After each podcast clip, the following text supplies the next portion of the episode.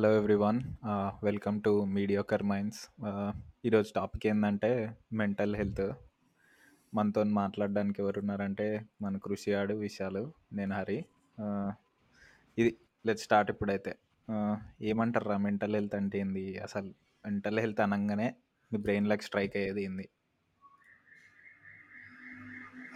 Mental health ఏమంటారు? Definition లాగా చూసుకుంటే it's like emotional psychological social wellbeing అని చాలా ఉంటాయి. బట్ నా ఫీలింగ్ ఏంటంటే ఇట్స్ సంథింగ్ నీకు ఒకటి చెప్పే వరకు అర్థం కాదు. అంటే ఇప్పుడు సపోజ్ ఏమంటారు? బేసిక్గా నీకు నువ్వు. ఏదో నువ్వు ఏదో ఫీల్ అవుతున్నావురా అని చెప్పే వరకు మనకు తెలియదు బేసిక్గా మన ఒకడు ఒకడు వచ్చి చెప్పే వరకు ఇది ఉంది అని మనకు తెలియదు అది అది ఎట్లా అంటే సెల్ఫ్ డయాగ్నోసిస్ అనేది చాలా కష్టము. సో యా వెన్ నీకు ఎప్పుడైతే ఇది కాదు ఏదో అవుతుంది అది కాదు ఇది అవుతుంది అని ఒక ఒక డైలమాలో పడి ఏదో ఒకటి అయితే ఉంటుంది చూడు. ఆ టైంలో ఎవడో ఒకటి చెప్తాడు. అరే నీకు ఇది ఎగ్జాక్ట్లీ అని. That's when you start thinking okay maybe something is wrong or something is out of track అని. సో నాకే తెలియదురా అసలు మెంటల్ హెల్త్ డెఫినేషనే తెలియదు యూఎస్కి వచ్చే వరకు. బేసిక్గా అంటే బేసిక్గా మన ఇంట్లో ఎట్లా వెలుగు పెరుగుతాము? ఎప్పుడు నీకు జ్వరం వచ్చిందా? హెల్త్ బాగుందా? అని అడిగితే ఏంది ఏమన్నా బయటికి కనిపించేవి ఏమన్నా ఉన్నాయా? అని అడుగుతున్నట్టు. నీ మెంటల్ హెల్త్ బాగుందా? ఎందుకు డిప్రెస్డ్గా ఉన్నావు? అంటే ఏమ ఏం ఆలోచిస్తున్నావు? అని ఎప్పుడు అడిగింది లేదు. అంటే బేసిక్గా తెలియదు I was not reason like that. So అదనమాట ఆల్మోస్ట్ ఏమంటారు ఇట్స్ లైక్ మన మన ఇండియన్ మన ఇండియన్ టిపికల్ ఇండియన్ మన తెలుగు దాంట్లో ఇంకెక్కువ ఉంటుంది అంటే ఏమో there might be people who talk about mental issues at home అంత ఫ్రీగా. అంటే నేనైతే ఇప్పుడు వెళ్ళి మా ఇంట్లో వాళ్ళతో పోయి నేను చాలా డిప్రెస్డ్గా ఉన్నా. అసలు అంటే ఏం పిచ్చి ఇట్లా పట్టిందా అంటారు? అరే బేసిక్లీ ఇక ఇక బేసిక్లీ నాకేమనిపిస్తుంది అంటే మెంటల్ హెల్త్ అంటే నీకు తెలుస్తుంది. అంటే నాకేమనిపిస్తుంది అంటే లైక్ నీకు తెలుస్తుంది ఒక పాయింట్ ఆఫ్ టైంలో సైక్ సైక్ అయిపోతావు. ఆ సైక్ ఎందుకు చేస్తున్నావు అర్థం కాదు కానీ సైక్ సైక్ చేస్తావు నువ్వు. సో బేసిక్లీ అట్లా సైక్ సైక్ చేసినప్పుడు there is something that is bothering you అని చెప్పేసి అర్థమైపోతుంది. అట్లీస్ట్ లైక్ నాకు అనిపిస్తుంది సో నేను యూజువల్లీ ఏంటిది అంటే నేను ఎప్పుడన్నా సడన్గా నాకు ప్రతి చిన్న విషయం పైన చిరాకు వచ్చిన లేకపోతే సడన్గా ప్రతి చిన్న చిన్న పని చిన్న విషయం పైన కోపం వచ్చిన అలాంటి జరిగినప్పుడు నాకు అర్థమవుతుంది అంటే ఏదో ఉంది లోపల బాధర్ చేసేది. కాకపోతే అది ఏందో అర్థమవుతలేదు సో మనం ఒకసారి కూర్చొని కొంచెం మనల్ని మనం చూసుకోవాలి సెట్ చేసుకోవాలి అని చెప్పేసి అనిపిస్తుంది. So in way I feel అది you know that is mental health అని. ఇక మన ఫ్యామిలీ గురించి తెలిసిందే. ఇండియాలో ఏదైనా సరే నాకు తెలిసి ఇండియాలో ప్రతిదీ టబులానే భావిస్తారు. ఇండియాలో ఏదైనా సరే ఒక టబులానే ట్రీట్ చేస్తారు దాన్ని. ఎందుకో నాకు అర్థం కాదు అసలు మనకి. అసలు మన పేరెంట్స్ మేనర్స్ మేనర్స్ నేర్పిస్తారు అంతే. అంటే నాకేమనిపిస్తుంది అంటే ఇండియాలో పేరెంట్స్ నీకు మేనర్స్ నేర్పిస్తారు. పెద్దోళ్ళు వస్తే కాళ్ళకి దండం పెట్టాలి లేకపోతే మర్యాదగా మాట్లాడాలి లేకపోతే అమ్మాయిలని మనము ఇలా దేవతల్లా ట్రీట్ చేయాలి పూజలు చేయాలి అని చెప్పేసి ఇట్లాంటి ఇట్లాంటి విషయాలు నేర్పిస్తారు కానీ ద మోస్ట్ ఇంపార్టెంట్ యా ఇప్పుడు మెంటల్ హెల్త్ మన వెల్ బీయింగ్ దాని తర్వాత సెక్స్ ఎడ్యుకేషన్ లాంటివి సెక్స్ అండ్ ఇలాంటివన్నీ యా. మన వాళ్ళు అంతా చాలా టబుగా ఫీల్ అవుతారు. But I feel these are also very important and ఇవి టబుగా కాకుండా యాక్చువల్లీ ఆన్ రెగ్యులర్ బేసిస్గా పేరెంట్స్ చిల్డ్రన్తో మాట్లాడాలని ఐ ఐ ఫీల్ యా. చూద్దాం. యా అట్లీస్ట్ ఐ మన అగ్రీ జనరేషన్లో అంటే చేంజ్ వస్తుందేమో ఏమో అని ఆశిద్దాం. నా- నాకు నాకంటే అప్పుడప్పుడు నేను ఈ బేసిక్ ఎట్లుంటుంది అంటే మిక్స్డ్ ఫీలింగ్స్ ఉంటాయి అనమాట మెంటల్ హెల్త్ గురించి మాట్లాడితే. నాకు కూడా అప్పుడప్పుడు ఏంది వీడు? ఇంతగానం లోపల ఏం ఫీల్ అవుతున్నా అంత సీన్ ఏం ఉండదులే వీడు ఎగ్జాజరేట్ చేస్తున్నాడు సినిమాలు చూసి నాలుగు పదాలు పట్టుకొని వాడుతున్నాడు అన్నట్టు కూడా ఉంటారు. ఇప్పుడు ఇండియాలో ఎట్లా అయిపోయింది? బాగా ఫ్యాషన్ అయిపోయింది. ఇప్పుడు ఈ పదం వాడి um um um this file um that file అని మాట్లాడతారు. So I I feel it's more of yeah yeah I feel yeah నాకు సో అంటే ఇదైతే పాయింట్ కరెక్ట్ అంటే దిస్ ఆల్వేస్ హ్యాపెన్స్. ఏమి ఏదన్నా ఒక కొత్త టర్మ్ తీసుకురా ఏదన్నా ఒక కొత్త దాని గురించి ఇంట్రడ్యూస్ చేసినాం అనుకో. Some lingo lingo. సంథింగ్ అప్పుడు there are two cases one who goes far away from it one who tries to push towards that lingo. అంటే అవసరం లేకున్నా ఇప్పుడు ఎట్లుంటుందంటే పొద్దున నువ్వు ఏదో తినాలనుకున్నావు. తినలేదు. సో అది ఏమంటారు ఇంటర్నల్లీ నీ డోపమైన ఎఫెక్ట్ అదంతా ఉండి you feel some some kind of అంటే ఏదో కొంచెం బాధగానో ఏదో చిన్న బ్యాడ్ ఫీలింగ్ ఉంటుంది. ఈ కొడుకులకు అది తెలియదు ఈ. కొడుకులు దాన్నే మెంటల్ ఇల్నెస్ అని కూడా పోర్ట్రే చేస్తారు. సో అట్లాంటి ఆ- ఆ కేటగిరీ ఉన్నారు ఈ కేటగిరీ ఉన్నారు. సో మన సైడ్ ఎట్లున్నారంటే అయితే అనావృష్టి లేదా అతివృష్టి. ప్రతి చిన్నదానికి ఎక్కువ చేసేటోళ్ళు ఉన్నారు. ఎంత. పెద్దదైనా దేకకుండా అదేదో టాబులా ఫీల్ అయ్యేటోళ్ళు ఉన్నారు సో Yeah. అరే వన్ అంటే షుడ్ కాదు, నో వన్ షుడ్ నో నేనైతే అసలు మెంటల్ హెల్త్ డిసార్డర్ అంటే ఏంది అంటే అసలు వాట్ షుడ్ ఐ డూ ఇది ఇది నాకు ఉందని డౌట్ వస్తే నేను ఏం చేయాలి అన్నది one should know and one should be open to discuss about it అన్నది నా ఫీలింగ్ Yeah.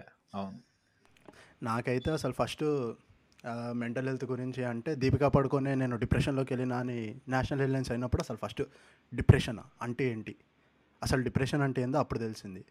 దాని తర్వాత బీటెక్ వచ్చినప్పుడు థర్టీన్ రీజన్స్ వై అని చెప్పేసి ఒక టీవీ షో ఉంది నెట్ఫ్లిక్స్లో. ఎంతమంది చూసిన నాకు తెలియదు కానీ అది చూసిన తర్వాత ఓహో మెంటల్ హెల్త్ అనేది ఒకటి ఉంటుంది అది ఎఫెక్ట్ అవుతుంది అది ఎఫెక్ట్ అయితే జనాలు సూసైడ్ వరకు వెళ్తారు అని చెప్పేసి. అర్థమైంది. ఇప్పుడు మనకి సొసైటీలో ఎట్లాంటి సొసైటీలో ఉన్నామంటే ఇంటర్లో ఫెయిల్ అయితే స్టూడెంట్స్ సూసైడ్ చేసుకుంటున్నారు. మెంటల్గా స్ట్రాంగ్ లేకపోతే యా సో మనం ఏంటిది అంటే అది ఫెయిల్ అయినందుకు వాళ్ళు బాధపడి సూసైడ్ చేసుకుంటున్నారు అని చెప్పేసి ఫిక్స్ అయిపోతున్నాం కానీ అక్కడ మనం ఒక అవేర్నెస్ అనేది క్రియేట్ చేయాలి. మెంటల్ హెల్త్ అనేది చాలా ఇంపార్టెంట్. జనాలకు చెప్పాలి. వాళ్ళకి ఈ సూసైడల్ థాట్స్ దూరం చేయాలి అని అయితే మనము excuse me. So as a society వాళ్ళకి సూసైడల్ థాట్స్ వస్తున్నప్పుడు వీ హ్యావ్ టు మనం ఒక అవేర్నెస్ తెచ్చి వాళ్ళకి మెంటల్ హెల్త్ గురించి చెప్పి ఆ థాట్స్ని దూరం చేయాలని అయితే మనం ఆలోచించట్లే. మనం ఎంతసేపు వాడు మంచిగా చదవాలి ఫెయిల్ అయ్యిండో అందుకే సొసైటీ వాడిని హార్ష్గా ట్రీట్ చేసింది అందుకే సూసైడ్ చేసుకోండి అని చెప్పి దాన్ని చాలా జనరలైజ్ చేస్తున్నాం దాన్ని చాలా. నార్మలైజ్ చేస్తున్నాం విచ్ ఐ థింక్ మనం అది చెయ్యొద్దు. లైక్ ఇట్ ఇస్ నాట్ అంటే బేసిక్గా importance to such aspects as well అంటే బేసిక్గా no one's giving them the courage to face the end result after he like fails or something. అదనమాట అంటే ఇంకా మన మన సొసైటీలో కూడా వాడిని అంతా సావు కొడతారు బేసిక్గా బేసిక్గా ఏముంటుందంటే ఇప్పుడు ఒకటి అది టబు అవ్వడం వల్ల దాని గురించి ఎవరు డిస్కస్ చేయడం వల్ల లైక్ నేను సింపుల్గా చెప్తా. ఇప్పుడు థర్టీన్ రీజన్స్ వై ఉంది. రీసెంట్గా చూస్తే స్ట్రేంజర్ థింగ్స్. లైక్ ఇందులో కొన్ని పాయింట్స్ ఉంటాయి. ఇప్పుడు మ్యాక్స్ మ్యాక్స్ కానీ ఇంకో ఇద్దరు ముగ్గురు క్యారెక్టర్స్ కానీ వీళ్ళందరూ దే ఏమంటారు? Regularly visit psychologist or anyone. వాళ్ళ మెంటల్ హెల్త్ సార్ట్ అవుట్ చేసుకోవడానికి they visit someone they talk to them. అది సాల్వ్ అవుతుందా లేదా నాకు తెలియదు కానీ they get some relief out of it. So ఇది ఇది నేను మామూలుగా ఎందుకు చెప్తున్నా అంటే నువ్వు అక్కడ సైడ్ సినిమాలు అక్కడ సైడ్ సీరియళ్ళలో చూస్తే సిరీస్లలో చూస్తే ఇది ఉంది. There's this thing and that thing is like already వాళ్ళకి అందులో రూట్స్ నుంచి ఉంది స్కూల్ లెవెల్ నుంచే. మన సైడ్ ముప్పై దాటేంత వరకు ఎవడు మెంటల్ హెల్త్ కోసం కేర్. చేసి ఎవడు హాస్పిటల్కి వెళ్ళిండి ఒక్కడు చెప్పండి. నువ్వు వెళ్ళాలి నేను వెళ్ళాలి మన ముగ్గురం అయితే వెళ్ళలే. అదైతే నేను గ్యారంటీ ఇవ్వగలుగుతా అంటే బేసిక్గా So, మన దగ్గర ఇంకా ఎట్లుంటుంది? నడుస్తుంది. మన దగ్గర ఇంకా ఎట్లుంటుంది ఇప్పుడు వాడు సైకాలజిస్ట్ దగ్గర పోయిండు అనుకో వీడేంది పిచ్చోడా వీడు? Mental exactly exactly. అంటే అది ఏదో ఉల్టా ఇంకా some out of the earth thing లా చూస్తారు. ఎగ్జాక్ట్లీ. మనోళ్ళు ఉల్టా మె- ఏమంటారు అంటే వీడు వీ- వీడు వాని దగ్గరికి వెళ్తుండు. సో అంటే ఆ మెంటల్ హరిగాడ్ కూడా ఏదో పోర్ట్రే చేసుకుంటారు. could be something యాక్చువల్లీ హరిగాడు ఏదో చెప్పింది చాలా. రైట్ రా యాక్చువల్లీ అవును. హరిగాడు చెప్పింది చాలా రైట్. వాడు ఏమంటుండు నే- నేను చాలా మందిని చూసిన. సో బేసిక్లీ ఏంటిదంటే ఇండియాలో పీపుల్ అంటే వాళ్ళు కన్ఫ్యూజ్ అయిపోతారు. మెంటల్ ఇల్నెస్కి మెంటల్కి కన్ఫ్యూజ్ అయిపోతారు. సో వాళ్ళు నాకు మెంటల్ ఇల్నెస్ ఉంది అంటే మెంటల్ వాళ్ళతో పోలుస్తారు. కాకపోతే బోత్ ఆర్ అంటే both are very different things. Exact- mental illness అన్నది like you dealing with your own demons. Mentalness అన్నది అసలు నీ మతి స్థిమితం బాగాలేదు yeah there is nothing you can do about it something's broken yeah so so కాకపోతే మన వాళ్ళు ఏంటంటే నీకు ఇప్పుడు మెంటల్ ఇల్నెస్ ఉన్నా ఓ మెంటలోడా? వీడు మెంటలోడు వీడికి మెంటల్ ఎక్కింది వాడు కొంచెం క్రాక్ ఇలాంటి. పదాలు వాడతారనమాట.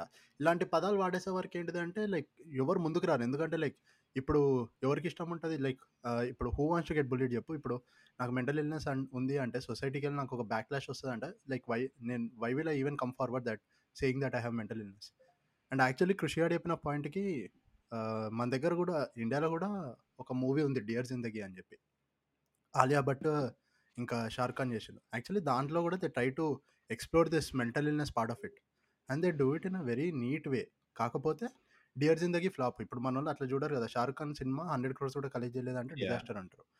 ఎందుకు! డిజాస్టర్ అయిందంటే it talks about the real issues and people are reluctant to watch it. ఎందుకంటే వాళ్ళకి అది boring cinema, slow cinema, cinema సుత్తి టాపిక్ అది సినిమా, మళ్ళీ సోది సినిమా. వేరే డైవర్ట్ అయితది ఇప్పుడు. కాదు సినిమా టాపిక్ అని కాదు. నేను ఏం చెప్తున్నా అంటే ఆడియన్స్ మెంటల్ హెల్త్‌కి ఇచ్చే ఇంపార్టెన్స్ గురించి చెప్తున్నా. మన దగ్గర. హ్మ్. యాహ్! యాహ్! ఇప్పుడు ఆ! దాన్ని I get it. I get it. అంటే ఆహ్, ఈ అంటే నే నేను గూడా ఎట్లా చూస్తా అంటే నేను ఇప్పుడు సినిమాకి పోయి మెంటల్ హెల్త్ గురించి నేర్చుకోవాలని అయితే చూడ. ఒక సినిమాని ఇన్ మై ఒపీనియన్. అంటే దిస్ యాహ్! ఈస్ మై అంటే టేక్. ఎ ఈ ఎ నేను ఎవ్రీవన్ సినిమాకి హాస్ వెళ్ళేది దేర్ ఓన్ ఎందుకు? Take in this. Yeah! Enjoy నేను సినిమాకి చేయడానికి అని వెళ్ళేది అంటావు. యాహ్! కొంచెం సేపు టైమ్ ఆబ్వియస్లీ. పాస్ అది చేసి వస్తా. కరెక్టే. అది యాహ్! దట్స్ కరెక్టే గానీ డిఫరెంట్. Most yeah! యాహ్! అది కరెక్టే గానీ ఇప్పుడు మనం ఉండే యాహ్! బట్ ఐ సొసైటీలో I most get what you are trying to say. Yeah! Yeah! Most of our education happens through cinema అని నా ఫీలింగ్. మనం ఉండే సొసైటీలో అట్‌లీస్ట్. అది బట్ కూడా అగైన్ పాయింటేలే. Like yeah! ఇది ఇది సినిమా టాపిక్. ఎళ్తుంది. మనం సినిమా. యాహ్! ఎపిసోడ్‌లో దీని యాహ్! గురించి మాట్లాడుకుందాం. యాహ్! ఇప్పుడు సో కమింగ్ అంటే back to so mental health ఏంటిదంటే యాహ్! కృషి చెప్పు. ఆ! నేను అదే అంటున్నా. అంటే సో ఓకే. ఇది అట్లుంటది, ఇట్లుంటది అనుకుంటున్నాం గానీ లైక్ ఆహ్, నాకో క్యూరియాసిటీ అంటే how often do you find people who come up and say to you అరే! నాకిలా ఉంది. I want help from you or I'm gonna see a doctor లేదా ఇట్లా అని అంటే ఆహ్, నీ ప్రీవియస్ ఎక్స్‌పీరియన్సెస్ అట్లేమన్నా నేను ఒకటి చెప్తారా? ఇప్పుడు నాకు తెలిసి నా దగ్గరికైతే ఎవడొచ్చి ఇట్లా నాకు మెంటల్ హెల్త్ ఉంది, ఇష్యూ ఉంది, డాక్టర్ కావాలి, లేకపోతే హెల్ప్ కావాలని ఎవడు అడగడు. యాస్ ఎ ఫ్రెండ్ నాకు తెలిసి మనం అర్థం చేసుకుంటాం అది. ఇప్పుడు for example most common example చెప్తా. లైక్ చాలామంది ఎక్స్‌పీరియన్స్ అయి ఉంటారు. ఇప్పుడు మీ ఫ్రెండ్ గాడు ఒక అమ్మాయిని ప్రేమిస్తాడు. Like you know like and breakup అవుతుంది సో, బ్రేకప్ అయిపోయిన తర్వాత తాగడం స్టార్ట్ చేస్తాడు. లేదా పిచ్చి పిచ్చిగా చేస్తాడు. లేకపోతే ఒక మూల ఒక ఇంట్లో కూర్చొని బయటికి రాకుండా ఏడుచుకుంటూ కూర్చుంటాడు. లేకపోతే ఇష్టం వచ్చినట్టు దీన్ని ఫ లావైపోతాడు. లేదా స్మోకింగ్ డ్రింకింగ్ వీడు ఇలాంటివన్నీ ట్రై చేస్తూ ఉంటాడు. So, that is a sign. So, that is a sign that he is not mental he is not mentally ah, capable of taking his own decisions అని చెప్పేసి. సో, అలాంటప్పుడు నువ్వు పక్కన ఉంటావు. పక్క నుండి వాడికి హెల్ప్ చేయడానికి ట్రై చేస్తావు కానీ బట్ యాస్ ఎ పర్సన్ అది రియలైజ్ అయ్యి వాళ్ళే హెల్ప్ గురించి అడగడానికి రావడం అనేది చాలా రేర్. నేనైతే ఎక్కడ చూడలే. ఇండియాలో ఎక్కడ యాహ్! చూడలే. అంటే ఫస్ట్ టైమ్ బేసిక్‌గా ఎట్లైనా ఎప్పుడైనా ఎట్లుంటదంటే ఫస్ట్ టైము అయినప్పుడు తెలవదు. You don't know what exactly is happening అనేది. ఆ రియలైజేషన్ వచ్చే వరకి టైం పడతది. That's when like parental like talks come into the picture! అంటే ఇప్పుడు నువ్వు పేరెంటల్ టాక్ కాదురా అంటే. నీకు చిన్న కాదు కాదు.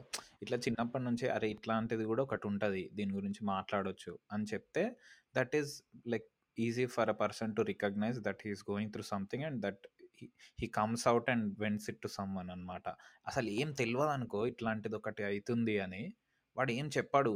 అంటే వాడు ఇంకా అది ఎక్స్ ఎక్స్‌ట్రీమ్‌కెళ్ళి ఒకడు గుర్తుపట్టే వరకి వాడు ఏం బయటికి చెప్పడు. అందుకే అందుకే కదా! అందుకే that is why awareness is important. One of the reason podcast. చేస్తుంది కూడా హ్మ్. అందుకే to spread this awareness. See point! ఏంటిదంటే పేరెంటింగ్‌కి వచ్చేసరికి ఏంటిది అంటే ఇప్పుడు depends it it see again నేను జనరలైజ్ చేసి చెప్తున్నాను కాదు. It depends on the individual yeah! Personalities and their parents. But most of them నేను చూసిన వరకైతే మోస్ట్ ఆఫ్ దెమ్ ఏంటిది అంటే పేరెంట్స్‌కి ఎవరు ఏం చెప్పరు. ఇప్పుడు వాళ్ళు ఎక్కడికెళ్తున్నారు? ఏం చేస్తున్నారు? ఎవరితో తిరుగుతున్నారు? ఏంటిది అని చెప్పేసి. అండ్ ఇప్పుడు అట్‌లీస్ట్ ఇప్పుడు కరెంట్ ట్రెండ్ ఏంటంటే మనోళ్ళకి బ్రేకప్ అయిపోతే డిప్రెషన్ అని ఒక పదం వాడాలి. హెడేక్ వస్తే మైగ్రేన్ అని ఒక పదం వాడాలి. జస్ట్ ఇలాంటి పాష్! పదాలు వాడాలి అని చెప్పేసి ఒక బ్యాచ్ ఉంటది. సో, అలాంటోళ్ళు చేయడం డ్రామా. బట్టి ఏమైపోయింది అంటే! ట్రామా, పీటీఎస్‌డీ, పీటీఎస్‌డీ అంటారు అసలు. యాహ్! వస్తది పీటీఎస్‌డీ. వీడు కాలేజ్ గోడలు దూకి సినిమాలకు వెళ్ళేటోడు కూడా పీటీఎస్డి అంటుండు. సో ఇవన్నీ ఇలాంటి అంటే ఇలా చేసే వాళ్ళ వల్ల ఏమైపోతుంది అంటే అసలు ఆ టాపిక్ ఉన్న ఇంపార్టెన్స్ డైల్యూట్ అయిపోతుంది నా దృష్టిలో. వెయిట్ ఉంటలేదు. ప్రతి ఓడు ప్రతి ఓడికి ఇది ఒక ఫ్యాషన్ అయిపోయింది అనుకుంటున్నావు. సో దట్ అప్పుడు ఎవడన్నా వచ్చి చెప్పినా కూడా నీకు అది ఏ బొంగులే అని చెప్పేసి అనిపిస్తుంది.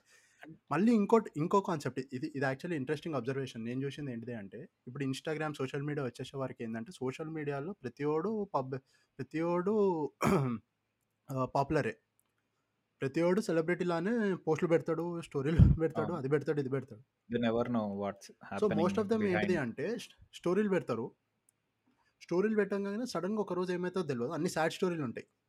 సాడ్ సాంగ్స్ సాడ్ పోస్ట్ అవన్నీ నాకు తెలిసిన చాలా మంది అటెన్షన్ కోసం చేస్తారు అది.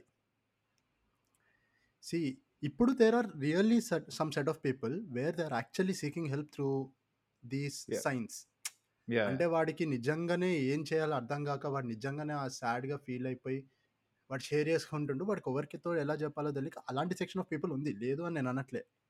కాకపోతే అట్ ద సేమ్ టైం అక్కడ there is an another section of people where they do it for attention ఇప్పుడు సపోజ్ మనతో ఒక ఎనిమిది మంది మాట్లాడలేదు అనుకుందాం. రోజుకో వాటితో పది మంది మాట్లాడతారు. ఆ రోజు ఎవడు మాట్లాడలే. ఇట్లాంటి స్టోరీ పెడితే ప్రతి ఒక్కడు మెసేజ్ పెడతాడు. మెసేజ్ పెట్టగానే ఇక వీడికి అదొక సాటిస్టిక్ ఆనందం. సో నెక్స్ట్ యా ఇప్పుడు నెక్స్ట్ క్వశ్చన్ ఏమవుతుంది అంటే సో అటెన్షన్ సీకర్స్ ఎవరైతే ఉన్నారో are they suffering from a mental illness అంటే లైక్ మీ ఒపీనియన్ ఏంటిది? కొన్ని కొన్నిసార్లు నాకేమనిపిస్తుంది అంటే they want attention because they cannot lead a lonely life. అంటే వాళ్ళకి ఒక్కలే ఉం- ఉంటే వాళ్ళకి ఎప్పుడు ఒక పది మంది వాళ్ళకి అటెన్షన్ ఇస్తూ ఉండాలి. పెరిగిపోయి డైగ్రెస్ కాదు. ఐఎమ్ క్వశ్చనింగ్ అంటే ఇది నాకు ఉన్న ఒక డౌట్. సో నీ దృష్టిలో నీకేమనిపిస్తుంది? Are attention seekers going through some sort of mental illness? ఆహా ఓకే. సో బేసిక్గా నా నా క్వశ్చన్ కూడా అందుకే. అంటే how common is this? Or how people talk to you అన్న అడిగేది కూడా ఎందుకే? ఎందుకంటే లైక్ చాలామంది స్టేటస్లు పెట్టడము లేదా స్టోరీస్ పెట్టడం ఇది కామన్ అయింది. అంటే నాకు కొందరు జెన్యున్గా తెలుసు who tweet about it or who write about it నాకు కొందరు తెలుసు who just do it for sake of ఏమంటారు షోయింగ్ ఆఫ్ అంటే ఎట్లా అంటే ఇప్పుడు ఎగ్జాంపుల్ సుశాంత్ సింగ్ రాజ్పూత్ అయిందిరా. ఆ ఆ టైంలో talk to me open with me అది ఇది అని పెట్టిర్రు. బట్ ఎవడు ఎవడు ఎవడు జెన్యున్గా పెట్టిండు ఎవడు ఏది పెట్టిండు నాకు ఇలా అవుతుంది నాకు ఇలా అవుతుంది అని అంటారు కానీ ఎవడు నిజంగా జెన్యున్గా మాట్లాడిండు ఇట్స్ నాట్ ఏమంటారు అదేదో ఒకళ్ళు ట్రెండ్ ట్రెండ్ లాగా ఫీల్ అయిపోయి పెట్టాడు తప్ప అంటే ఏమంటారు most of the I get times what social media వల్ల ఎట్లా అయిపోయిందంటే ఒక ఒక దాని గురించి ఒక టాపిక్ గురించి వస్తే it gets diluted or it gets ruined like after a couple of shares or something like that so అందుకే value how common is this అని. అదే దాని వాల్యూ పోతుంది. అంటే అండ్ విశాల్ గారి ఆ- క్వశ్చన్ విశ్ యా విశాల్ గారి క్వశ్చన్ అంటే are they mentally ill to some extent I feel yes I feel yes ఎందుకంటే they can't express themselves or they feel lonely so ఆ ఏమంటారు? ఆ క్లోజ్నెస్ ఆర్ ఆ వేరులతో ఒక కన్వర్జేషన్ స్టార్ట్ చేయడానికి ద డూ దిస్ అని నా feeling most of the times. And కొందరు ఎట్లుంటారంటే they are not mental ill but వాళ్ళకి ఎట్లుంటారంటే ఏమంటారు? మేకల మంద గొర్రెల మంద అన్నట్టు. సోషల్ మీడియాలో ఏదన్నా అయితే అది మనం కూడా యా యా చేసేయాలి అంతే. Heard heard because yeah just for the sake of doing it we do it అంటారు. సో ఫస్ట్ కేటగిరీ వాళ్ళు అయితే definitely I feel like they are ఏమంటారు మెంటల్లీ డిస్టర్బ్. అంటే ఇక అది ఏమంటారు పర్సనల్ రెట్రోస్పెక్షన్ తోటి తెలుస్తుంది వాడు ఏ కేటగిరీ అన్నది. ఎగ్జాక్ట్లీ ఇంకొకటి ఏంటిది అంటే లెవెల్స్ ఉంటాయి కదా. ఇప్పుడు it's not like everybody who's mentally needs treatment or లేకపోతే needs immediate attention or something like that. ఇప్పుడు మెంటల్ హెల్త్లో నీకు నీకు ఒక లెవెల్స్ ఉంటాయి. సో నాకేమనిపిస్తుంది అంటే if you are getting suicidal thoughts I think that is when you have to drop everything and then like you seek for help అంటే ఇప్పుడు ఇప్పుడు ఫర్ ఎగ్జాంపుల్ నీకు లైఫ్ పైన మోటివేషన్ పోయింది. అంటే నీకు అసలు ఏమీ చేయబుద్ది అవ్వట్లే పొద్దున్న లేస్తున్నావు తింటున్నావు పంటున్నావు అంతే నీకు అసలు ఏం చేయబుద్ధి అవ్వట్లే ఎక్కడికి వెళ్ళబుద్ధి అవ్వట్లే ఎవరిని కలవబుద్ధి అవ్వట్లే ఎవరితో మాట్లాడబుద్ధి అవ్వట్లే అంటే that is when you have to reach out for help నా దృష్టిలో. నువ్వు అన్- చేసేవన్నీ మానేసి నీ పక్కన ఎవరు ఉంటే వాళ్ళ దగ్గరికి వెళ్ళి మాట్లాడి ఏదో ఒకటి. లేకపోతే find yourself hobby cricket ఆడతావా? లేకపోతే. రైటింగ్ లేకపోతే సింగింగ్ డాన్సింగ్ నీ ఇష్టం ఏదో ఒకటి. ఒక find yourself hobby and then try to invest time in that and time in yourself అంటే నా దృష్టిలో అది the that is the stage where people might need help అనిపిస్తుంది. మిగతా ఇష్యూస్ అన్ని ఏంటి అంటే బికాస్ అండ్ ఇది ఇంకో థాట్ నాకు ఇంకో థాట్ ఏంటిది అంటే the reason why people don't discuss mental health too often with other people ఏంటిది అంటే బికాస్ నీకు మెంటల్లీ ఏవైతే నేను ఎఫెక్ట్ చేస్తున్నాయో అవన్నీ చాలా పర్సనల్ ఉంటాయి. అండ్ ఇప్పుడు నువ్వు నీ పర్సనల్ విషయాలు ఒకరితో షేర్ చేసుకుంటున్నావు అంటే నీకు వాడిపైన నమ్మకం ఉండాలి. ఇప్పుడు వాడు ఒకవేళ. నువ్వు వాడితో షేర్ చేసుకొని ఇప్పుడు ఫ్రీగా ఫ్రీ అని కాదు. ఇప్పుడు నేనున్నారా ఫ్రీ అనే కాదు హౌ ట్రస్టబుల్ ట్రస్ట్ వర్తి ఇప్పుడు నేను ఇప్పుడు నేను ఉన్నా నేను ఒకరితో షేర్ చేసుకున్నా. వాడు దాన్ని నన్ను ఇప్పుడు నేను వాడితో ఏదైతే షేర్ చేసుకున్నానో నాకు అగేన్స్ట్గా వాడు నన్ను వాడిన అనుకో ఫ్యూచర్లో నాకు నమ్మకం పోద్ది. అప్పుడు మళ్ళీ నేను ఇంకో పర్సన్ని నమ్మాలంటే నాకు ట్రస్ట్ ఇష్యూస్ వస్తాయి. సో ఇప్పుడు నన్ను మెంటల్లీ ఏదైతే ఎఫెక్ట్ చేస్తుందో అది నేను వెళ్ళి జనాలకు చెప్పాలన్నా కూడా నాకు ఆ పర్సన్ పైన విపరీతమైన నమ్మకం ఉండాలి. విపరీతమైన నమ్మకం ఏంటంటే అది కూడా one of the reason I think people don't approach yeah they should keep your secret అన్నది నీ పాయింట్ అంతే ఎందుకంటే ఇట్స్ లైక్ ఇట్స్ అంతే కదా. హాంటింగ్ యూ అంటే it's definitely something that it it that is very close to you or that is very personal to you బేసిక్గా. అందుకే- secretive అంతే. అంతే. అందుకే So- ఇప్పుడు ఇట్లా సూసైడ్లు చేసుకునేటోళ్ళు వాళ్ళు వీళ్ళు ఉంటారు కదా జనరల్గా వాళ్ళు మాక్సిమం ఫ్రెండ్స్ లేని వాళ్ళు ఉంటారు. అంటే మంచి close knit of close knit ఒక గ్రూప్ ఆఫ్ ఫ్రెండ్స్ లేని వాళ్ళు ఉంటారు. అంటే దే అలా have a way to vent their feelings out to someone and like exactly. అలాంటప్పుడే అలాంటప్పుడే I think you'll have to reach out to therapist నీకు చెప్పుకోవడానికి ఎవరు లేరు ఫ్రెండ్స్ ఎవరు లేరు అన్నప్పుడు Mm. అప్పుడు నువ్వు థెరపిస్ట్ని కన్సల్టెంట్ చేయాలి. ఇప్పుడు ఇండియాలో ఎంత ఇప్పుడు సి మెంటల్ హెల్త్ అన్న టాపిక్ యూఎస్కి వచ్చినా కాబట్టి నాకు ఇంత అవగాహన ఉంది కానీ ఇప్పుడు నేను ఒకవేళ ఇండియాలోనే ఉంటే నాకు సేమ్ లెవెల్ ఆఫ్ అవగాహన ఉంటుందని నేనైతే అనుకోవట్లేదు. But I don't know. How many therapist are there in India to be honest అసలు ఉన్నారా? వాళ్ళని ఎట్లా వెతకాలి. పేపర్లో క్లాసిఫైడ్ యాడ్స్లో వెతకాలా? లేకపోతే ఏంటిదన్నా నాకు తెలియదు. సో అది ఉండాలి. అండ్ ఐ థింక్ ద అంటే ఒకవేళ నన్ను అడిగితే ఏంటిదంటే maintaining a healthy relation with your parents రా. ఎందుకు అంటే parents will always be there for you no. Matter what నువ్వు ఏది నువ్వు తప్పు నేను- చేసినా నువ్వు ఏది చేసినా మీ పేరెంట్స్ అన్నారు. "నే- ఎప్పుడు నిన్ను ప్రేమిస్తూనే ఉంటారు. ఎప్పుడు నిన్ను బ్యాకప్ చేస్తూనే ఉంటారు. So I think first you have to try to maintain. Good relation with your parents అంటే ఏదైనా షేర్. చేసుకునేటట్టు వాళ్ళకి వాళ్ళతో ఒక అంటే, ట్రస్ట్ ఆ yeah. లెవెల్ బిల్డ్ చేసుకున్న తర్వాత అప్పుడు అది మెయిన్ ఒకవేళ ఇక అలాంటి సిచ్యువేషన్స్ పాసిబుల్ కాదు అన్నప్పుడు ఒక థెరపిస్ట్ అయితే మస్ట్ ఫ్రెండ్స్. ఎవరు లేరు అన్నప్పుడు లేదా ఎవరైనా ఒక. ఫ్రెండ్ ఉండాలి ఎవరో ఒకరు అంటే అది పర్సన్ బట్టి రా వాళ్ళు ఎవరినో ఒకరిని పెట్టుకోవాలి easily approachable and reachable in case of issues ఆ, అంటే అది పేరెంట్ క్రియేట్ చేయాలరా. ఆ అట్మాస్ఫియర్ పేరెంట్ క్రియేట్ చేయాలి చిన్నప్పటి నుంచి. అంటే ఇప్పుడు నువ్వు నువ్వు as as my son or daughter you can share anything with me అన్నట్టు ఆ పేరెంట్ ఇప్పుడు క్రియేట్ చేస్తే కానీ అరే అది ఇట్లా రాదు. అంటున్నావు నువ్వు ఇట్లా అంటున్నావు. సి వీఆర్ ఇప్పుడు మనం say like we're twenty or more so మనకంటూ ఒక మెచ్యూరిటీ వస్తుంది. పేరెంట్స్ క్రియేట్ అయినప్పుడు అప్పుడు వై డోంట్ యూ ట్రై అన్నది నా క్వశ్చన్ ఫస్ట్. సరే ఇప్పుడు అందరికి రాదు. నీకు వచ్చింది. నీకు వచ్చింది నాకు వచ్చింది కానీ అట్లా అందరికి రాదు. ఎగ్జాక్ట్లీ. అది చాలా ఇండివిజువలిస్టిక్ రా. And I don't. Think the owners is completely on parents ఇక్కడ. బట్ అంటే నేను అంటున్నా ఫ్రెండ్స్ ఫ్రెండ్స్ అన్న ఉండాలి పక్క. అన్ని అన్- ఇదే ఇది మాత్రం నాకైతే హండ్రెడ్ పర్సెంట్ ఓ మనిషికి ఫ్రెండ్స్ ఉండాలి. ఫ్రెండ్స్ లేనోడిని అంటే కొంచెం వాడి గురించి నాకు మిక్స్డ్ ఫీలింగ్స్ ఉంటాయి అన్నమాట అదే అదే సో బేసిక్గా ఏంటంటే నీకు అట్లీస్ట్ అంటే ఇప్పుడు కొన్ని నీకు ఇంత ఇబ్బంది అనుకుంటే కొన్ని you can talk with some set of people కొన్ని you can talk with some set of people ఇప్పుడు నువ్వు నీ ఫ్రెండ్స్ తోటి షేర్ చేసుకునేది ఇంట్లో షేర్ చేయవు ఇంట్లో షేర్ చేసేది ఫ్రెండ్స్ తోటి షేర్ చేయవు. ఇట్లాంటప్పుడు. ఎక్కడ షేర్ చేయాలో అక్కడ షేర్ చేయాలి అంతే అంటే నువ్వు ప్రతిదీ ఎప్పుడైతే నువ్వు నీ లోప బాటిల్ అప్ చేసుకొని సీక్రెటివ్ ఇన్ఫర్మేషన్ అని ఫీల్ అయ్యి నీకు ట్రస్ట్ అనేది ఎప్పుడు తెలుస్తుంది? నా నా ఒపీనియన్ ఏంటంటే if you want to share something first share a secretive thing but it should be like not that significant if someone is leaking that then then stop talking to him అంతే ఇంకా. You eventually build trusted అవసరం trust అనేది ఇప్పుడు నాకు తెలిసి trust అనేది మన bonding పైన వస్తుందిరా.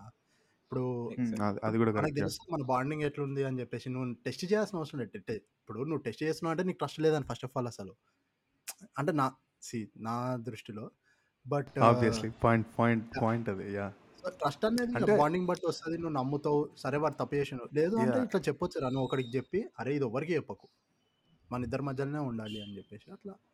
వీ కెన్ ట్రై అట్లా ట్రై చేసి ఒకవేళ వాడు చెప్పిండు అనుకో అప్పుడు అరే వీడు వేస్ట్ గాడు ఉన్నాడు మనం వేరే వాళ్ళతోటి పరిచయం చేసుకుందాం ఫ్రెండ్స్ చేసుకుందాం అని చెప్పేసి అట్లా you move on from that ఎందుకంటే like I think you learn it all this is a learning experience రా బేసిక్లీ ఇంకోటి ఏమనిపిస్తుంది అంటే బేసిక్ బేసిక్లీ స్కామర్స్ ఎవరైతే ఉన్నారో they take advantage of people in this position friends లేని ఫ్రెండ్స్ లేరు ఇంట్లో చాలా స్ట్రిక్ట్గా ఉండి అలాంటి వాళ్ళని అడ్వాంటేజ్గా తీసుకొని స్కామ్స్ చేస్తారని చెప్పేసి నాకు అనిపిస్తుంది. ఎందుకంటే వీళ్ళు ఆన్లైన్లో ఎవరినో ఒకరిని కలుస్తారు.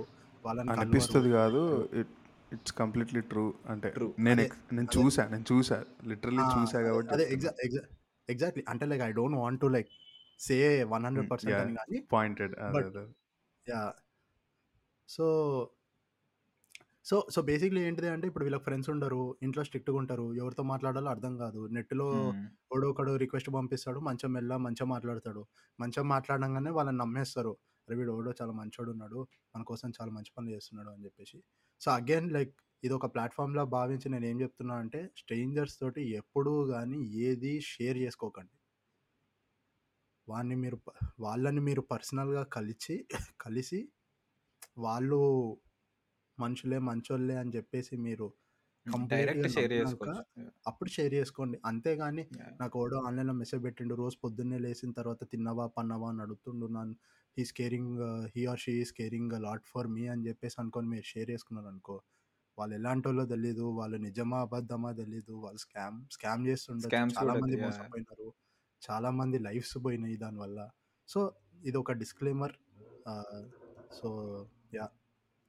అది. ఇప్పుడు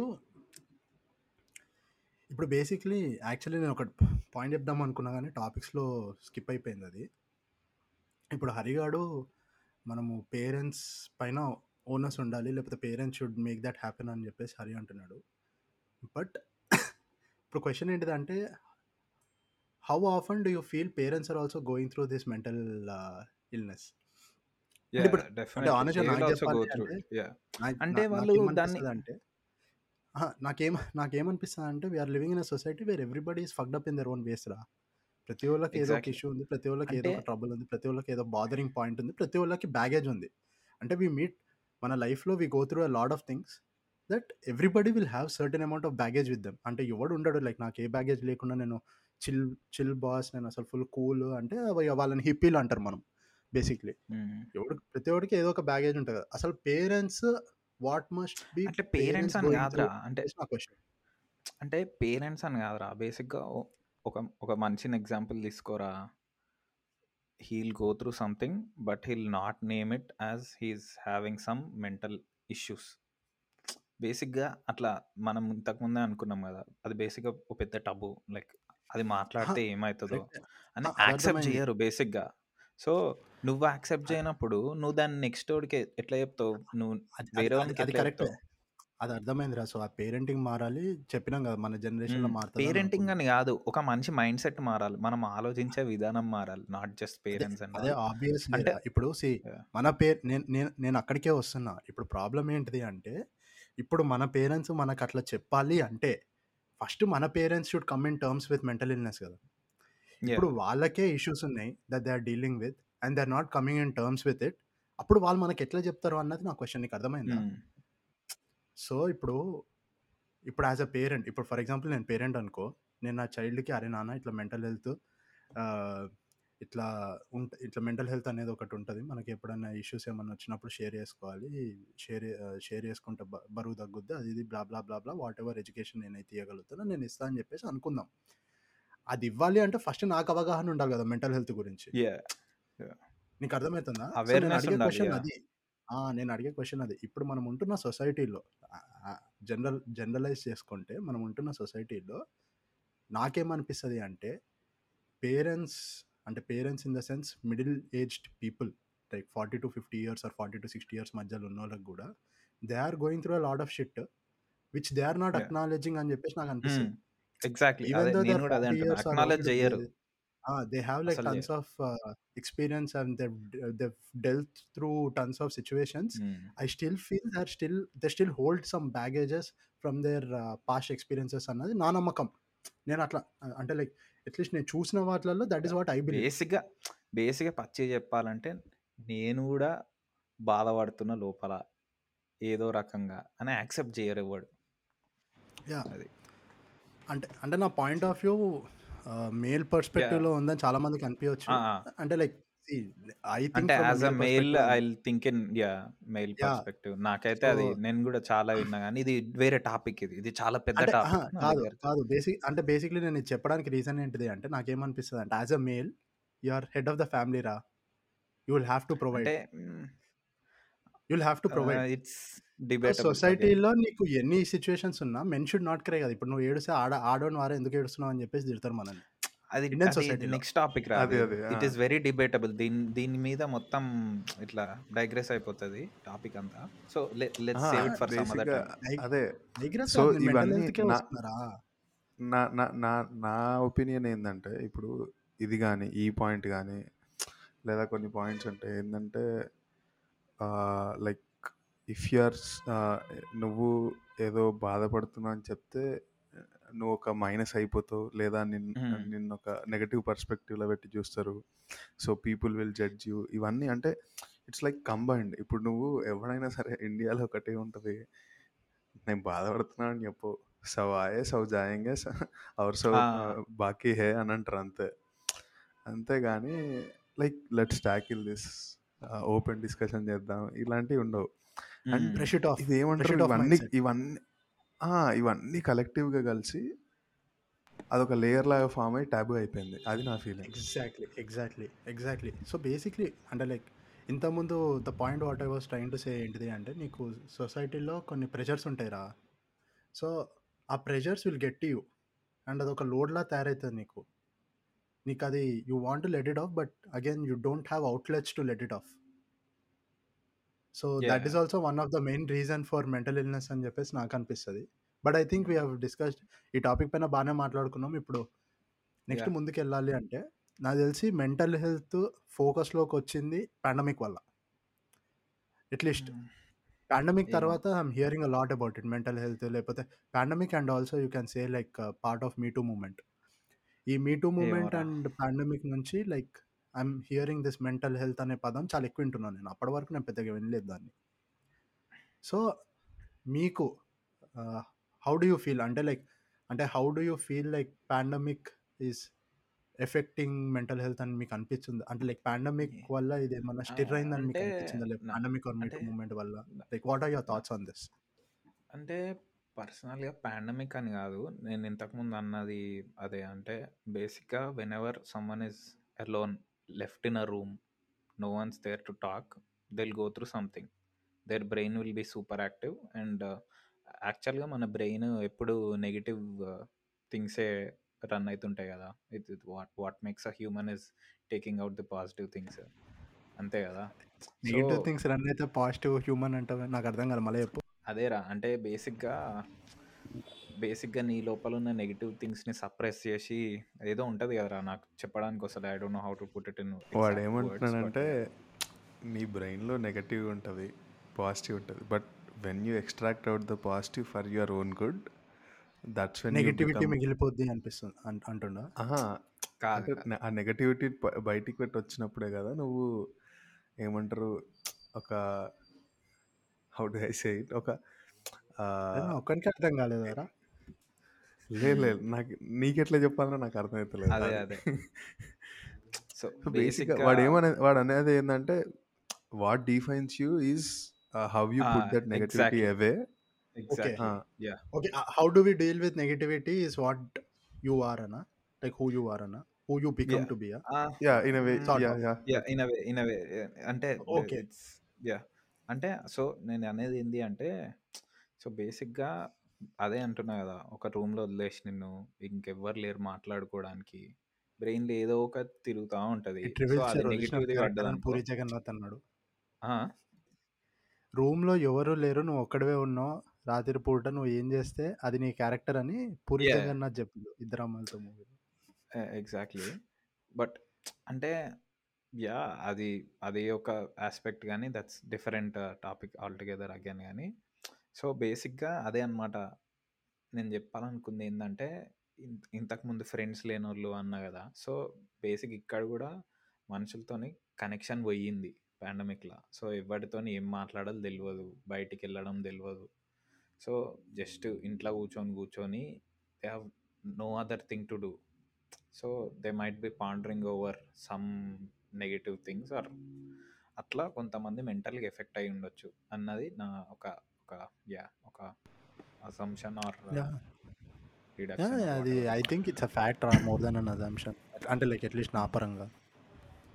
అంటే నాకేమనిపిస్తుంది అంటే లైక్ ఈ మెంటల్ హెల్త్ గురించి ఇప్పుడు ఎందుకు మాట్లాడుతున్నారు అది ఇది అంటే వాడన్నది కరెక్ట్ ఎందుకంటే when you sit lonely when you start thinking that's when everything happens so ఆ టైం మనకి అవసరం కంటే ఎక్కువ వచ్చింది. ఈ పాండమిక్ వల్ల. సో అట్లా సింగిల్గా ఉన్నప్పుడు సింగిల్ ఉన్నప్పుడు నీకు ఏమవుతుంది you either want to do something and you can't do it. Or you do self self retrospective సరే ఇంత ఖాళీగా ఉన్నా ఏం చేద్దాం చేద్దాం అని ఆలోచిస్తుంటే ఒక రోజు అనిపిస్తుంది అరే నేను ఏదో చేద్దాం అనుకుంటున్నా ఏదో చేస్తున్నా. నేను ఇలా ఉండటం నేను ఇలా అయిపోయినా. నీకు నీకు ఆ డిఫరెన్స్ తెలవడం స్టార్ట్ అయినప్పుడు యూ ఫీల్ లైక్ అరే there is something wrong with me.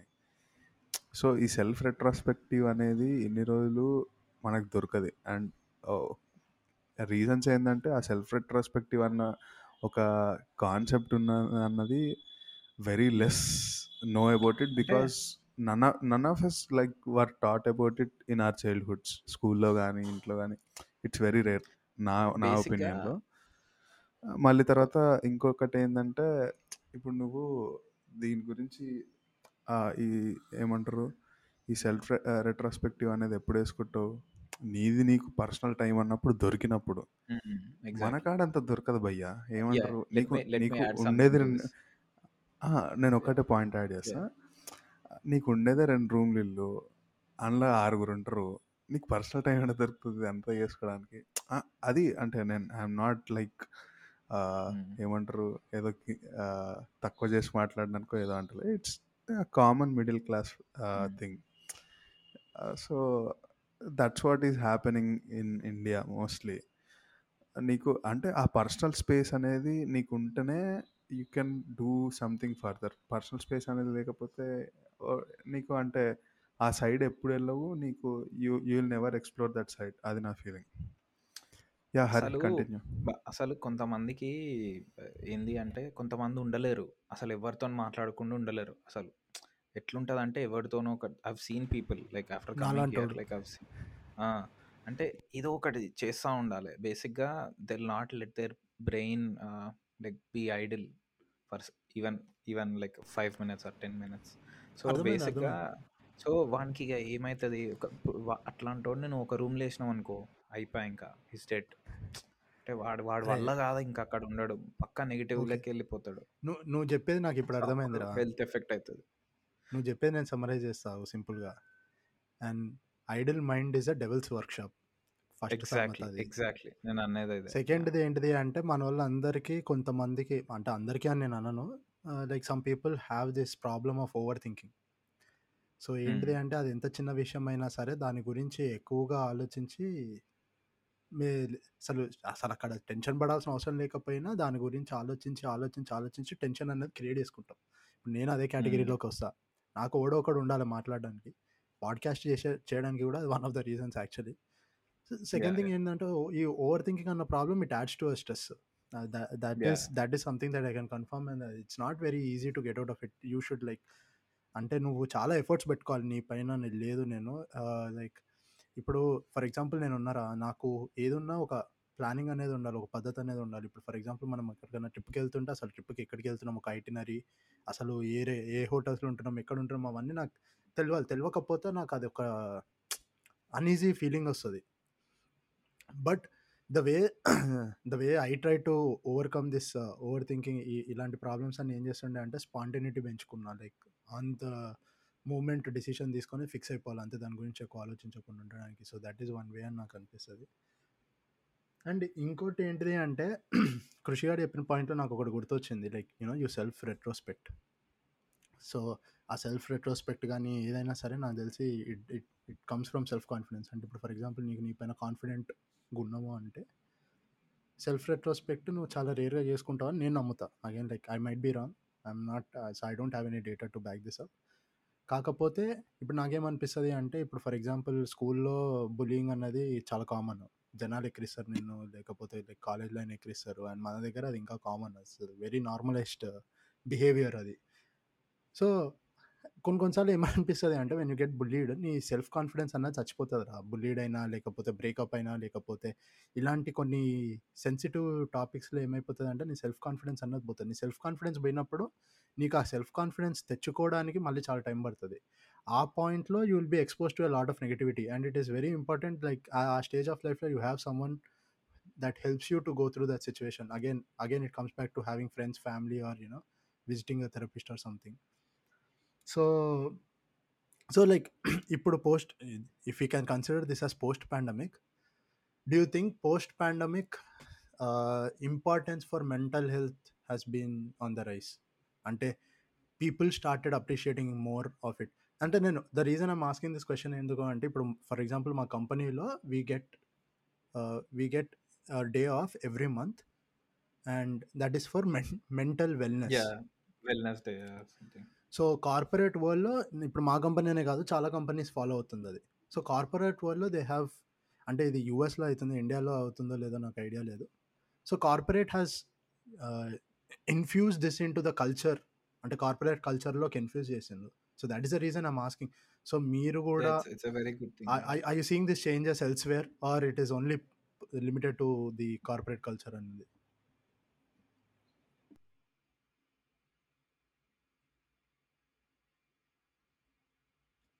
అంటే వస్తుందిలే మస్త్ change like I've seen people um, like talk about it and big organizations take some action which is on అరే which is in their hands. See, the, th- the thing is, like, I still feel, అంటే even though like now people are more at least much more aware of mental health than they were like five to ten years back నాకు still ఏమనిపిస్తుంది అంటే mental health ఇవన్నీ అంతా పాష్ people problem అనిపిస్తుంది Yeah, rich man's problem. Yeah. Rich man's problem లేకపోతే posh people problem ఎందుకంటే ఇప్పుడు మన దగ్గర వెళ్ళి మనకి ఇట్లా మెంటల్ ఇల్నెస్ ఉందంటే నువ్వు అన్నట్టు పిచీటలు వేసిందా అని చెప్పేసి అడుగుతారు. సో దానిపైన మీ టేక్ ఏంటి? ఇంకా అంతే బేసిక్గా లైక్ అవేర్నెస్ అంటే లైక్ టేక్ ఏంటి in the sense like. What can we do to bring more awareness among people నాకు యాక్చువల్లీ మిక్స్డ్ టేక్ ఉంది. ఎందుకంటే mental illness is something that you are fighting with yourself అది నా opinion అవును. నీలో నువ్వు జరుపుకునే. యుద్ధం. యా.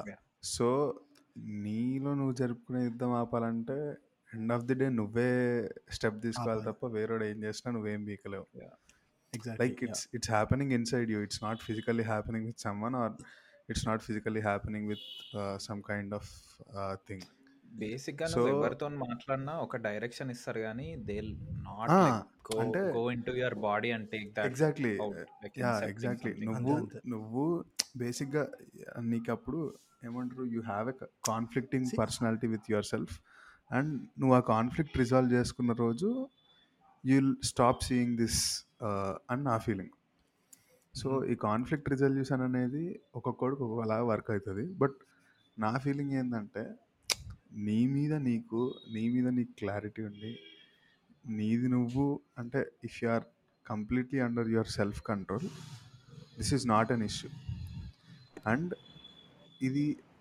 రిచ్ మెన్స్ ప్రాబ్లము అది ఇది అదంతా పక్కన పెడితే బేసిక్ ఇదేంది? ఇది నీతో నీకు ప్రాబ్లం అది నువ్వు సాల్వ్ చేసుకోవాలి తప్ప వేరేవాడు ఏం పీకినా ఏం చేసినా ఎండ్ ఆఫ్ ది డే అంటే నువ్వు ఒక స్టెప్ తీసుకొని ఏం కాదు అది నా point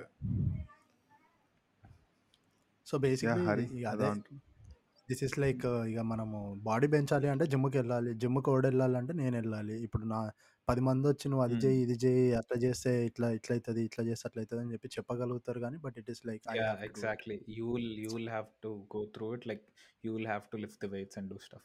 Yeah. Yeah. So like last కి సో last ఏమంటారు మరి లైక్ నాకు ఇంకో ఇంకో పాయింట్ యాడ్ చేయాలని ఉంది ఏంటంటే రీసెంట్గా అంటే ఈ పోస్ట్ పాండమిక్ నేను చాలా అబ్జర్వ్ చేసింది ఏంటంటే ఇప్పుడు there are two ways to handle the conflict ఒకటి you directly address the conflict by yourself అంటే నేను అన్న ఇప్పుడు సెల్ఫ్ రెట్రోస్పెక్టివ్ సో బేసిక్గా నేను ఏం కరెక్ట్ చేస్తున్నా ఏం తప్పు చేస్తున్నా ఏం చేస్తే బాగుంటుంది ఏం చేస్తే బాగోదు ఇవన్నీ నీ అంతటి నువ్వు డిసైడ్ అయ్యి you take a second opinion or you talk to someone who are close to. ఇది ఒక one method.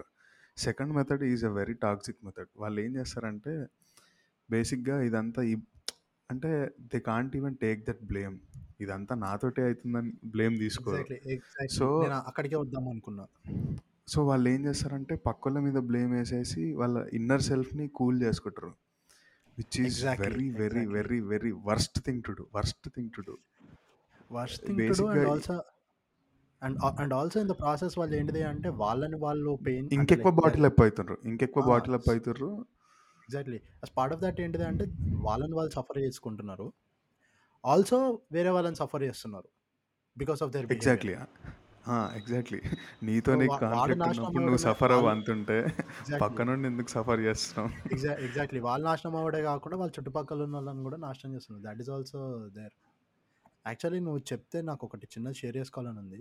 సో బేసిక్లీ మేము ఇక్కడికి వచ్చినప్పుడు ఏమైంది అంటే I was surrounded with lot of people who who think negatively అంటే వాళ్ళు ఎప్పుడు ఏది అది పాజిటివ్ చాలా ఉంటుంది ఆలోచించంగా ఇంపాక్ట్ నేను చూడలే.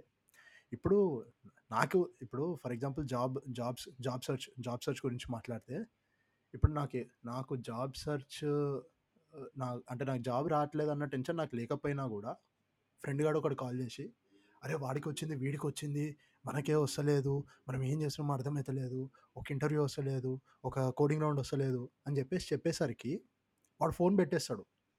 వాడికి ఎట్లుంటుందో తెలియదు కానీ వాడి వల్ల నాకు టెన్షన్ స్టార్ట్ అవుతుంది అయ్యా! అందరికి వస్తుందంట మనకు వస్తలేదు ఏంటిది అది ఇది ఇది అది అని చెప్పేసి.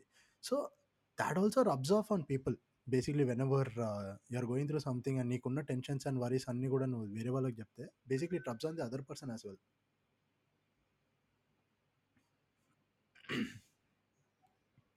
yeah I agree yeah same thing with rebounds yeah అయితే ఇప్పుడు హరి గారు అడి అడిగిన దానికి అంటే ఏం చేయొచ్చు ఏం చేయరాదు అంటే లాస్ట్కి అంటే ఫైనల్గా ఒక ఒక ఫైనల్ ఫైనల్ నోట్స్ ఏంటంటే వన్ థింగ్ అంటే if you are feeling okay I have some conflict నా నా ఒపీనియన్లో ద బెస్ట్ మెథడ్ ఈ సెల్ఫ్ రెట్రాస్పెక్టివ్ దానికంటే గొప్ప మెథడ్ లేదు. If you can't do that ఎందుకంటే అందరితోటి కాదు ఇప్పుడు సెల్ఫ్ లెర్నింగ్ అనేది ఒకటి it's not possible for everyone yeah it's kind of art ఒప్పుకుంటా. సో అలాగే సెల్ఫ్ రెట్రాస్పెక్టివ్ కూడా అంత ఈజీ కాదు. If you are not able to do it నీకు డౌట్ ఉండొచ్చు. నేను ఈ ఈ సిచ్యువేషన్ ఉన్నానా లేదా అని. There are a lot of like web apps or apps where they ask you a set of questions usually ఒక సైకాలజికల్ క్వశ్చన్స్ అవి which which statistically like predict if you are in a situation or not అంటే actually it's actually statistics statistics బేసిక్గా so అంటే it it just adds weight to your doubt so ఆ డౌట్కి నీకు wait add అయ్యి okay నాకు నిజంగా help కావాలంటే then get someone's help it could be your friend it could be your family or it could be some stranger that you want to vent out everything to or it could be some like appointed person or someone who is very well known into this thing so అంటే నేను నేనేం చెప్పాలనుకుంటున్నా అంటే mostly ఇలాంటి వాటికి అంటే everything నీకు generalized solution లాగా అనిపిస్తుంది కానీ ఇట్స్ ఆల్వేస్ లైక్ ఏమంటారు? పర్సనలైజ్డ్ సొల్యూషన్ సో అది. నా పాయింట్ అంటే to add to your point నాకు ఏమనిపిస్తుంది అంటే in order to be self retrospective you have to be open to suggestions from others కదా. ఇప్పుడు ఒకడు వచ్చేసి అరే నువ్వు ఇట్లా చేసినా నాకు నచ్చలేదు అని చెప్పేసి ఒకటి చెప్పిన అనుకో ఇప్పుడు you should be able to first accept it అంటే అసలు ఒకసారి. ఆలోచించి అంతేగాని ఇప్పుడు నువ్వు ఇట్లా చేసినా నాకు నచ్చలేదు అంటే నువ్వు ఓడిరా నాకు చెప్పేది అని చెప్పేసి మనం బేసిక్గా you should you should accept that those pointing fingers ఆ పాయింటింగ్ ఫింగర్స్ యాక్సెప్ట్ చేసి I feel again like it is a very అంటే నాకు ఏమనిపిస్తుంది అంటే people do that because of their insecurities ఏమో అని చెప్పేసి అనిపిస్తుంది. But again that is an another topic for an another day so హరిగాడు అడిగిన క్వశ్చన్ ఆన్సర్ చేయాలి అంటే లైక్ సమ్ గుడ్ ఇప్పుడు నేను because like I know we cannot generalise it is a very individual thing నాకు what makes me feel better అంటే like going out on trips అంటే ఇప్పుడు ఒక బీచ్కో హైకింగ్కి లేకపోతే బీచెస్కి వెళ్ళినప్పుడు like you know it calms me down gives me a new energy and నేను మాట్లాడిన కొంతమంది ఫ్రెండ్స్కి you know reading books help them a lot so if you read you know they find అంటే like if you read some good books basically they become their companion అని చెప్పేసి అంటారు. So some పీపుల్కి like you know finding books లేదా you know finding a hobby playing sports like for example cricket badminton ఏదో ఒకటి. అవన్నీ like I think these are certain things which you can try and see నీకు work out అవుతుందా అవుతలేదా లేకపోతే writing లేకపోతే singing dancing again ఇలాంటివన్నీ చేసుకుంటూ అంతే it it all method goes individual yeah it all go it all goes Yeah. back to your point where uh, you said idle brain is devil's So- workshop so Devil's don't keep yeah. your brain idle yeah exactly బేసిక్గా నేనేం చేస్తాను అంటే I went it out. మీ నీకు నీకు phone చేసి phone చేసి మాట్లాడడము లేకపోతే ఎవరికన్నా ఇట్లా ఫోన్ చేసి మాట్లాడి లైక్ క్లోజ్ క్లోజ్ పీపుల్తోని లైక్ అంటే ఎవరితో మాట్లాడతా అంటే నాకు నమ్మకం ఉన్న వాళ్ళతో బేసిక్గా నాకు నాకు ఒకటి చెప్తే వీడి వీడి మాట నేను వినొచ్చు అన్నట్లతో మాట్లాడతా బేసిక్గా ఇంకా అదొకటి. Then then I have this rule అనమాట ఏంది అంటే బేసిక్గా ఒక ఇన్సిడెంట్ అయింది. బేసిక్గా ఒక ఇన్సిడెంట్ మీద ఓవర్ అబ్సెస్ అయ్యే కదా మెంటల్ హెల్త్ అంత స్పాయిల్ అయ్యేది. సో నేను I I have I I have this formula అనమాట సో ఒకటి అయ్యింది. అయ్యింది అంటే ఓకే. దీంతోనే ఇప్పుడు ఏం చేయొచ్చు? What's the outcome? ఏమన్నా చెయ్యొచ్చా? దీన్ని ఫిక్స్ చేయడానికి చేయడానికి రాదా? చెయ్యొచ్చు అంటే చెయ్యాలి. That's there and the matter. ఇంకోటి చేయలేము అనుకో ఇంకా దీని గురించి ఫీల్ అయ్యేది ఏం ఉపయోగం లేదు. So just go with the flow. అంతే. అంతే. So that's that's that's another thing. ఇంకా ఘోరంగా జిమ్ చేస్తే సెట్ అట్లా అని పాటలు పెట్టుకొని జోబులో చేతులు పెట్టుకొని నడుచుకుంటూ వెళ్ళిపోతే అన్నీ సెట్ అయిపోతాయి. దిస్ ఇస్ మై జేబుల్లో చేతులు పెట్టుకొని జేబులో చేతులు పెట్టుకొని నడుచుకుంటూ అంతే. వెళ్ళిపోయా? అంతే. Yeah yeah very I feel very nicely set are- very nicely set Yeah. Yeah exactly things I I personally follow yeah whenever something happens yeah సరే బాయ్స్ మంచిగానే వచ్చింది. బాగానే మాట్లాడినాం. I hope it helps someone who who is Yeah. Mentally ill or yeah not not Yeah, definitely so- not a word which is associated with negative context want to make it a point not just exactly mental like ill that. But just ఇదేమి మరి అంతే we are just mediocre minds are trying to Yeah, exactly. Bring some awareness అంతే ఇంకా ఎవరన్నా. ఎవరన్నా కాదు ఎవరన్నా డబ్బు నాలెడ్జ్ తోటి Yeah, yeah. సి మాకు మాకున్న నాలెడ్జ్ తోటి మేము మాట్లాడడం these are are personal opinions and we try to like అంటే మాకు తెలిసిన దాంట్లో మాకున్న పరిధిలో మాకున్న ఎక్స్పీరియన్స్లో మేము ఏమైతే మాట్లాడగలుగుతామో ఈ టాపిక్ గురించి Yeah. మాట్లాడడం and that is what this podcast is all about Yeah. said. So ఎవరైనా హర్ట్ అయినా లేకపోతే ఏదైనా like excuses this is the official disclaimer yeah so ఇంకోటి ఏంటంటే ఇప్పుడు ఎవరన్నా మెంటల్ హెల్త్ అంటే ఇంకా if if someone still feels it's a taboo or they want a reasoning behind it so ఇప్పుడు మీకు ఎక్స్ప్లెయిన్ చేసే ఓపిక లేకపోతే వాడికి పాడ్కాస్ట్ని పంపియండి మమ్మల్ని! కొంచెంసేపు తిట్టుకుంటే తిట్టుకొని! It might help him it might change his mind whatever. అసలు next level marketing by Hari అంతే మరి. సరే. ఎండింగ్ నోట్ సరే ఓకే. మరి. బాయ్ అంతే. బాయ్ చెప్పండి. ఇంతసేపు ఏంటంటే- విన్నాడంటే మన. మన దాన్ని తట్టుకున్నాడంటే థ్యాంక్ యూ గట్టిగా చెప్పాలి ఉండదు. మనం ఫస్ట్ అది బతకాలి. యా. సా- సాహసం అనే చెప్పాలి. సాహసం అనే చెప్పాలి. సాహసం అని చెప్పాలి. ఆ. గుండె బతకాలి. థ్యాంక్ యూ అని. చెప్పాలి. ఇంత మించి ఏం. చెప్పగలం మేము? యా. ఇంకో పాడ్కాస్ట్ చేయగలుగుతాం అంతే. అంతే. సరే ఓకే. సరే. ఓకే. ఓకే ఫోక్స్ చలో థ్యాంక్ బాయ్ యూ చలో బాయ్